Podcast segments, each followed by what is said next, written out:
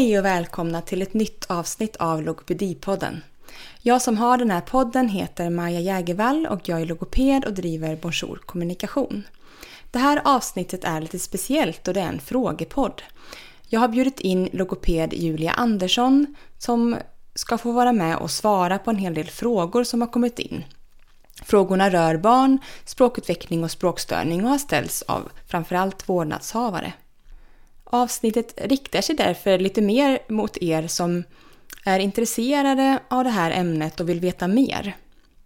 Jag hoppas och tror att ni kommer få med er mycket matnyttigt och följer ni inte redan Julia på Instagram så kan ni gå in på logopedjulia och följa direkt så lovar jag att ni där kommer få ännu mer tips och kunskap om dessa ämnen. Så, men då kör vi avsnitt 9.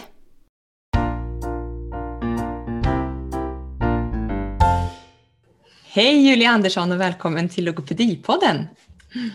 Hej och tack för att jag fick vara med. Roligt att vara här. Ja, kul att du är här. Och vi ska ju köra en liten annorlunda eh, podd idag med frågetema. Då vi har samlat in lite frågor från olika håll som gäller främst barn och språk på olika sätt. Mm. Eh, och jag är jätteglad över att du ville vara med här och, och svara på de här frågorna. Eh, så du kan väl börja med att berätta lite om vem du är. Ja, ja men Julia Andersson heter jag och jag är logoped. Jag jobbar på en skola och sen driver jag även, eget företag där jag jobbar med handledning, föreläsning. Här, mm. Mm, här har vi då den första. Hur, hur märker man eller hur, hur, när kan man börja misstänka att det är något som inte är som det ska just med språket eller med språkutvecklingen? Mm. Och där, jag tänker att eller det hänger ju ihop också med hur gammalt barnet är och vad barnet förväntas klara eh, vad det gäller språk och kommunikation. En, det är ju alltid så att om man känner sig orolig som förälder så ska man ju söka hjälp och höra. Det är jätteviktigt och just det här att, som du var inne på, det här med språkstimulering och hur man kan jobba hemma. Eh, det är inte, det är inte så att det går att språkstimulera för mycket. Så att om man är orolig som förälder så ta kontakt med logoped eh, och se vad, hur ni kan gå vidare. Eh, annars så en viktig, det är också en viktig sak man kan tänka på som man följer upp och speciellt när barnet blir lite äldre, det är berättarförmågan. Alltså när barnet börjar närma sig skolåldern, ska börja för, förskoleklass, att man kan berätta och förklara någonting som man har varit med om så att lyssnaren förstår. Kunna återberätta och att, jag menar, att orden, grammatiken, när man börjar skolan så ska språket vara relativt klart. Så man kan fortfarande ha svårt med vissa språkljud, R-ljudet till exempel kan fortfarande vara lite svårt, men man ska kunna göra sig förstådd och man ska kunna förstå och de allra flesta eh, språkljuden ska vara på plats. Så att om man har svårt att göra sig förstådd även alltså utanför familjen, men även då såklart om, om familjen har svårt att förstå så är det jätteviktigt att man tar kontakt med logoped. Om det verkar så att barnet inte är intresserad av samspel, av språk, av lek med andra är det också väldigt bra att ta kontakt med vården. Eller om det verkar så att barnet inte riktigt förstår vad som sägs, att man missförstår instruktioner eller att man, man kanske ser vad andra barn gör och gör likadant. Så att det, man får tänka då att språket består av flera, flera olika delar, att det handlar både om att förstå eh, men även då att uttrycka och använda språket tillsammans med andra. Så att eh, man får titta på flera olika komponenter. Mm. Och vi hade fått även en fråga kring just med det här med pragmatisk språkstörning, om man alltid mm. har pragmatiska svårigheter samtidigt när man har eh, språkliga svårigheter, eller att det liksom, eh, är en del av bilden så att säga. Mm, det kan ju vara en del av bilden, men inte alltid. Och det är just det där att, att språkliga svårigheter de går ju in i varandra och påverkar varandra. Det är inte alltid jätte solklart och enkelt att säga, men det här handlar bara om eh, svårigheter att förstå. Här handlar det bara om svårigheter att uttrycka sig, utan våra språkliga förmågor hänger ihop och påverkar varandra. Om man har svårt med språkförståelse till exempel så kan det ju bli så att, ja, men, att det leder till missförstånd i, ja, men, i lek, i, sams, i samtal med andra. Så, så det kan ju liksom uppfattas som att man har svårt med samspel och samspelssvårigheter, men det är ju inte egentligen den delen som är grundläggande så. Och precis som på samma sätt om man har svårt att uttrycka sig och förklara och berätta att det kan leda till missförstånd. Så att pragmatiska svårigheter kan förekomma eh, men det behöver inte alltid förekomma tillsammans. En fråga också om ärftlighet eh, kring språkstörning men även kring dyslexi om man kan se någon liksom, koppling däremellan. har vi också fått. Vad kan vi säga om det? Ja, precis. Och det är ju så att språkstörning och dyslexi förekommer tillsammans, de hänger ihop, de är, man kan säga att de är relaterade svårigheter. Eh, det kan vara så att man har både dyslexi och språkstörning eller så är det så att man bara har språkstörning eller bara dyslexi. Men de kan förekomma tillsammans och på precis på samma sätt så hänger det här med det genetiska och ärftligheten ihop med det. Alltså det kan ju vara så att man har läs och skrivsvårigheter, dyslexi i familjen men inte språkstörning. Men hos barnet så blir det, visar det sig som en språkstörning, den här sårbarheten som finns med. Så att det man brukar prata om det är ju att, att den här typen av svårigheter hänger ihop. De har en, liksom en, en gemensam biologisk grund eller vad man ska kalla det. Eh, men att det kan ta sig olika uttryck. Så det behöver inte vara så att man, man måste ha flera släktingar med språkstörning till exempel, utan det kan ju vara så att man har, det finns dyslexi i familjen eller att det finns ADHD eller andra neuropsykiatriska svårigheter eller funktionsnedsättningar. Så att man kan säga att de är relaterade till varandra också. Mm. Vi har också fått frågor från eh, personer som, som är bekanta med just logopedisk hjälp och som har frågor kring det här. Hur, hur vet man att det man gör hjälper? Eh, de här, ofta så får man kanske med sig något spel hem eller sådär från logopeden för att man ska träna på något visst språkljud eller någon grammatisk eh, övning eller så. Och ja, den här personen hade ju erfarenheten av att de vill aldrig göra dem hemma. Men nu vet jag att de ändå kan hjälpa eller så. Eh. Och jag tror vi är nog rätt många eh, logopeder, eller jag har erfarenheter av flera familjer där, där de kommer, man har lämnat material hem och sen så men det funkar inte hemma, vi kan inte träna med det här hemma, det går bara med dig. Eh, och då får man ju tänka att, att ja, så kan det vara. Och där är ju just det här att språkstimulera kan vi inte göra för mycket av och att försöka hitta andra vägar så att om det här träningsmaterialet inte funkar hemma, ja men kan vi läsa böcker? Eh, kan vi leta ljudet, det här, om det är ett specifikt språkljud som vi tränar på, kan vi leta ljudet i böckerna? Kan vi jobba med ramsor eller sånger, alltså, eller rörelselekar och liksom få in det så, så att det kanske hemma kanske den här, om man tänker då hos logopeden när man sitter och spelar ett spel där man tränar då det här ljudet. Den spelsituationen kanske inte fungerar hemma. Eh, så, så då att försöka hitta andra sätt.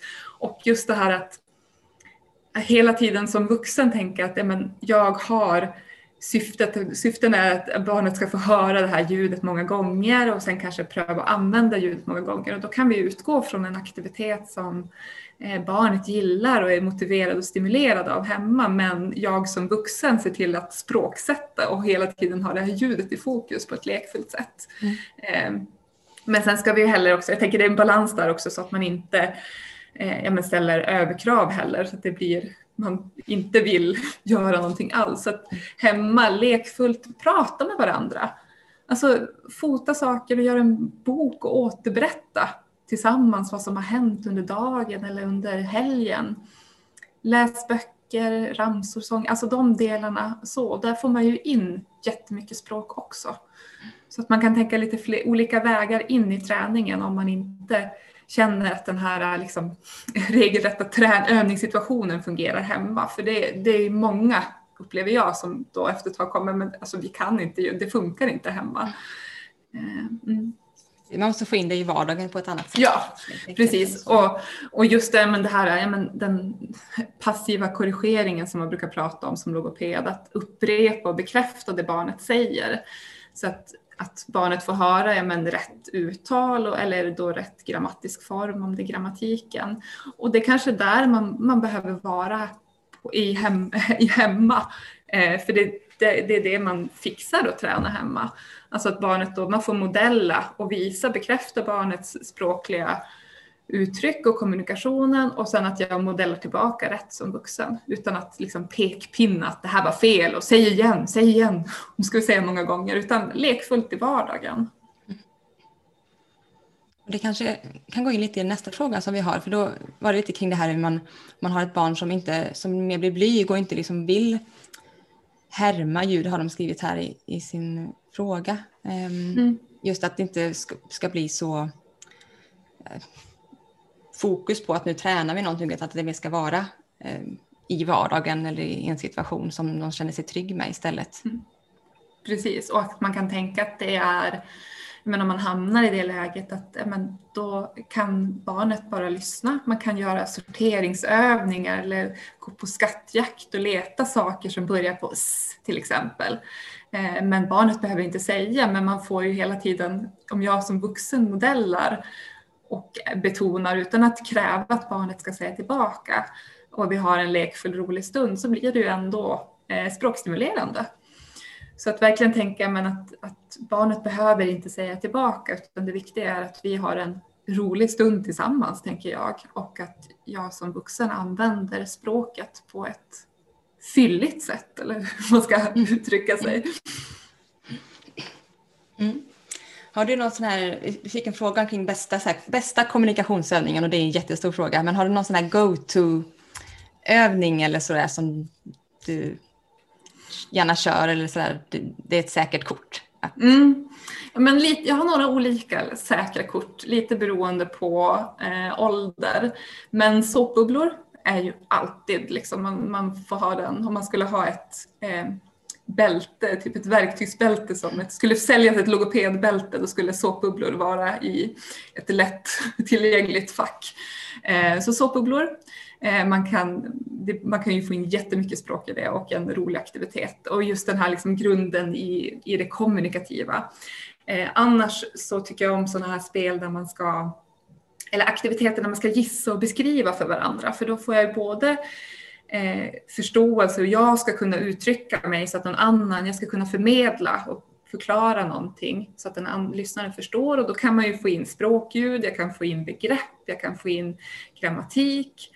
Eh, och så ska jag kunna ta in lyssnarens, vad, vad den andra säger, både lyssna och förstå. Och det kan man ju använda med vilka bilder som helst. Eh, så det är också så en aktivitet jag gillar att göra. Eller galenpanna, så att man har ett kort i pannan och så ska man förklara vem man är. Eh, och sen olika former av berätt, alltså använda böcker tycker jag är jätteroligt. Eh, olika skönlitterära barnböcker och eh, läsa tillsammans och sen kanske återberätta tillsammans. Så någon bok, ett, en paket eller såpbubblor, en bok och eh, några bildkort med roliga bilder. Så kommer man väldigt långt. Jo, sen har vi en fråga kring det här med, med tvåspråkighet eller flerspråkighet och språkstörning. Vad ska man tänka på? Ja, om det är, handlar om språkstörning vid flerspråkighet så ska språkförmågan vara påverkad på alla språken.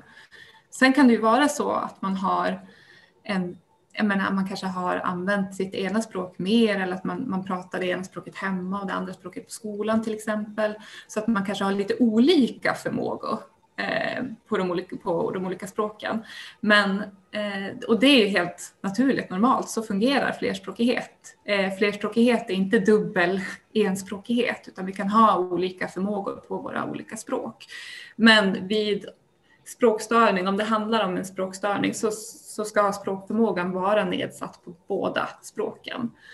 Och man blir inte bättre, man kan inte bota en språkstörning genom att ta bort det ena språket det enda som händer då det är ju, ja, men, man tappar ju sin kulturella tillhörighet. Det är inte så att det går snabbare att lära sig det andra språket om jag tar bort det första språket.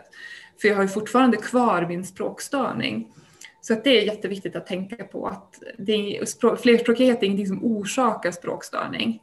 Och att vi behöver då, om man tittar i utredning sen då, att man, att man ser att språkförmågan är nedsatt på båda språken. Vi har även fått frågor kring uttal och hur man ska arbeta med, med uttalssvårigheter. Och det är också en stor fråga. Ehm, men framförallt var det här från en som just står i kö till, till logoped. Men att väntetiden är lång och det vet vi att så är det ju tyvärr i många delar av Sverige. Men då hade hon som fråga att finns det några bra idéer och tips och information på vad man kan göra i väntan på det här logopedbesöket? Just det här barnet det var fem år. Ehm, men det finns ju många som, som får vänta så i alla åldrar tänker jag. Mm. Ja men precis och där igen det här med att lekfullt att börja upptäcka eh, bokstavsljuden. Jag tänker, om man är fem år och, eller fem och sex år och börjar närma sig skolan, att man, börjar, man kan börja prata om ljuden och hur bokstäverna låter. Eh, en del barn kan vara hjälpta av att, jag menar, att man får någon form av visuellt stöd till ljuden också för att förstärka och förtydliga. Att man kan jobba med handalfabetet eller några bilder eller just det här, men börja leka med ljud och att uppmärksamma skillnader mellan ljud. Eh, och där, vi var inne på det här att, men, att eh, man inte alltid, men man, man, ibland inte ska pressa och utmana. Det kan vara ibland svår, vara svårt att utmana barn att härma ljud. Eh, och här första steget när vi pratar uttalsträning så handlar det om att, att lyssna, att höra skillnad mellan ljuden. Och då behöver inte barnet producera själv utan vi kan leka med ljuden och uppmärksamma skillnaden. Och hörde du, nu blev det ett långt ljud och det där var ett kort ljud. Och titta, såg du hur munnen såg ut när jag gjorde så? Eller kanske leta. Så att lekfullt börja uppmärksamma bokstavsljuden, språkljuden eh, som, ett, som ett första steg. Och just det här att, att uppmärksamma skillnaderna mellan och att barnet inte behöver göra låta likadant utan att man tänker att barnet får lyssna och höra skillnad och sen om man vill göra så kan man få göra också. Mm. Vi, en liten relaterad fråga till det var att vi hade ett barn här som också dreglar fortfarande och är fyra år. Och även har haft stora uttalssvårigheter men nu var det bättre. Ehm, finns det något samband kring dregling och tal, undrar den här personen. Ja, alltså precis. Våran, det handlar ju om det, både verbal motorik och oral motorik och det är väldigt många muskler som ska samordnas och rörelser som ska samordnas. Ehm, så det kan ju vara så att man också har svårigheter med till exempel att, att röra och flytta och koordinera eh, muskelrörelserna. Lite relaterat till skollogopedi också som ju du jobbar med. Att det här med logoped i skola, det tycker vi båda är bra, eller hur? Ja. och att eh, vi borde, borde bli fler i skolan också. Men det var från en skollogoped här som funderade på kring det här att känna sig good enough. Mm. Ja, eh, det höll jag på att säga att det gör man inte. Eller jo, det kan man göra. Eh, det handlar ju om att dels så som logoped, som skollogoped så kan man ju, eller är man ofta väldigt ensam. För att det är fortfarande ett nytt arbetsområde. Eh, logopeder är tyvärr inte obligatoriska inom elevhälsan.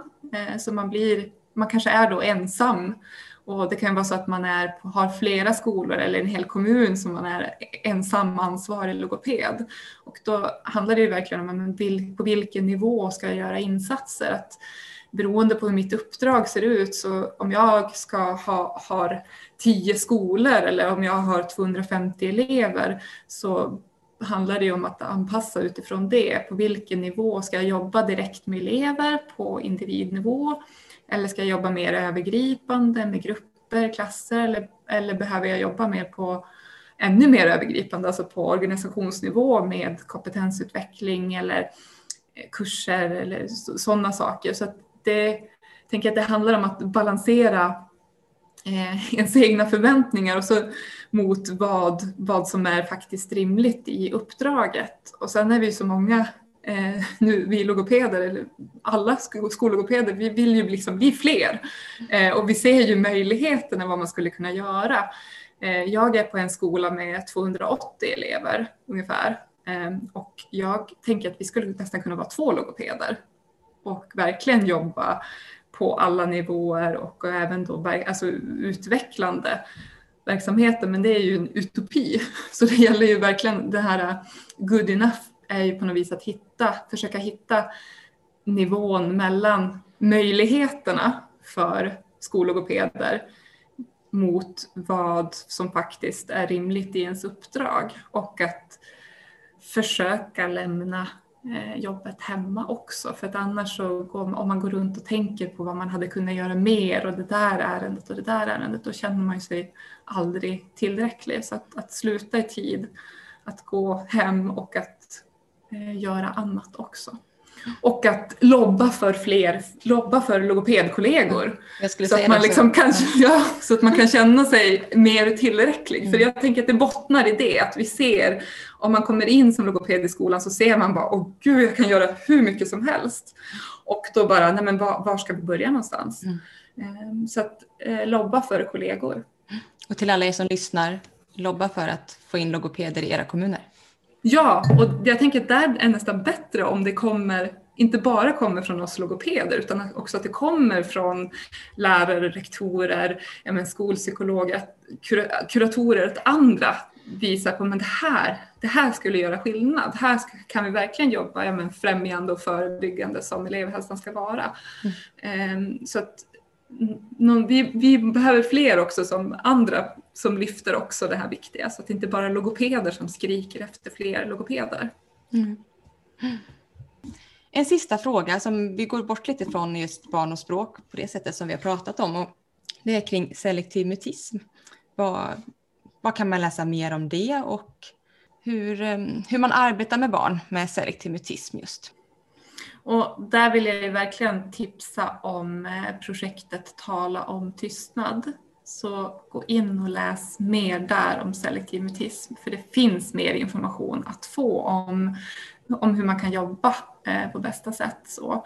Eh, och selektiv mutism är ju, kanske inte ska säga att det är ett nytt område, men det, det har blivit mer och mer fokus på, på selektiv mutism de, under de senaste åren och det är ju viktigt och ett väldigt intressant och spännande område. Så att eh, tala om tystnad. Och där så kan det ju vara så att det finns språkliga svårigheter också. Eh, så eh, så att det är väldigt viktigt att hitta, hitta rätt arbetssätt och eh, bygga. Där är det ju jättemycket ja, bygga relation och bygga upp det här eh, förtroendet för och, och samtidigt också vidga kommunikationspartners eh, i, gradvis och med med hjärta och värme. Så tala om tystnad. In på det och läs mer. Så tipsar vi om det också, det tycker jag är bra. Ja, jättebra. Det finns ju jättebra pdf-filer man kan ladda ner och skriva ut och lämna till alla som behöver Precis. ha en. Sprid information om det. Mm. Ja, det var alla frågor vi hade idag. Ja. Tack så jättemycket för att vi fick den här stunden med dig. Ja, rolig. Och jag hoppas, men jag tänker så här att man får ju eh, söka mer information eller hör av er till ja, men, logopedmottagning. Och jag tänker att här finns det ju grupper på Facebook och forum så att man verkligen försöker hit, hjälps åt att hitta information också. Eh, och att i många grupper så är vi en del logopeder som hänger också så att vi kan hjälpas åt att svara om man har frågor. Om man till exempel har väntar på tid hos logoped och undrar inför det. Mm. Precis. Sök upp oss, vi vill väldigt gärna prata. Ja, precis. Så, tack och på återseende. Ja, men tack så mycket.